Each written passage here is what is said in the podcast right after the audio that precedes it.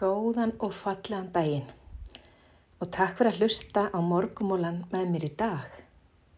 Ég sitt hérna og horfi á bleikan og fallegan heiminn og það er svo stilt út þegar þetta er bara eins og, eins og ljósmynd það sem ég horfi á hérna út um glukkan hjá mér.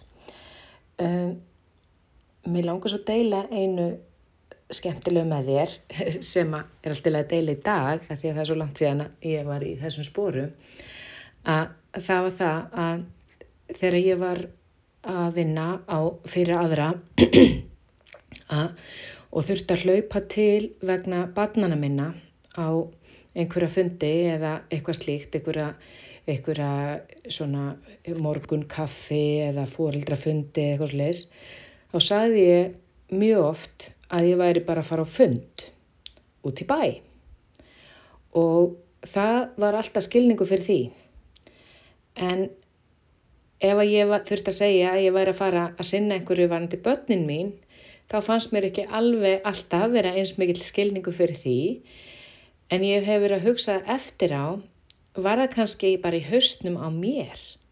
Mér fannst ég ekki geta stokki frá til þess að sinna þessu sem ég þurfti að sinna og vildi sinna að því að ég var í vinnunni. Kannski er þetta samviskuseminn í manni endalust að maður vil aldrei hérna, maður vil hérna, standa sína blikt og allt það sem er flott. en að hverju segja þetta er að því að þarna fann ég leið til þess að auðvelda mér lífið við að þurfi ekki að vera að koma og segja eitthvað sem ég fannst erfitt að segja.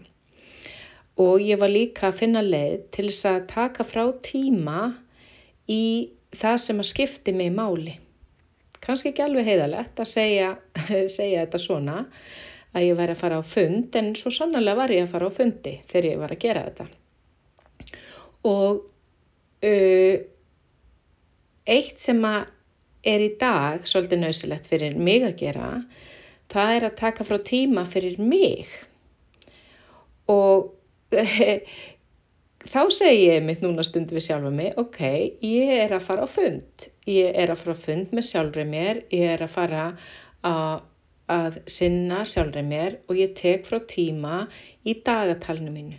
Ég set í dagatali mitt uh, leikvumina mína eða danstímana mína eða uh, hérna uh, út að borða með vinkonum eða kaffibóð með einhverjum sem maður langar að hitta og tek frá virkilega fundatíma fyrir það sem að skipti mig virkilega máli.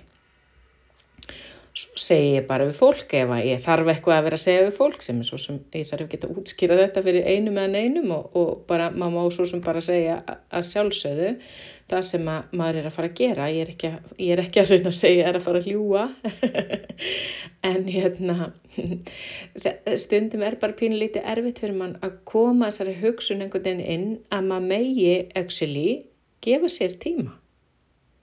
Það hljómar undarlega en og kannski á þetta ekkert við því, kannski finnst ég bara minnsta mál að vera dag, allan daginn einhverstaðar að sinna sjálfur og, og, og er það þá vel og frábært? En fyrir marga veit ég er þetta svolítið erfitt. Og þetta er ein leiðin.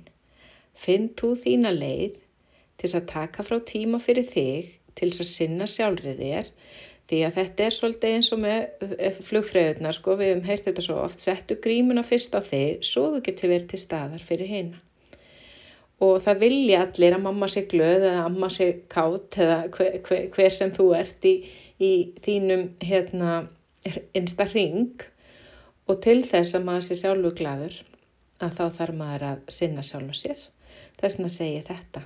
Taktu frá tíma fyrir þig settan í dagatalið hver eru ekki lengt í því að þú hittir einhverja vinkonu eða vinn og, og þú segir, ó við verðum að fara að hittast Þá segi ég alltaf já, hvenar?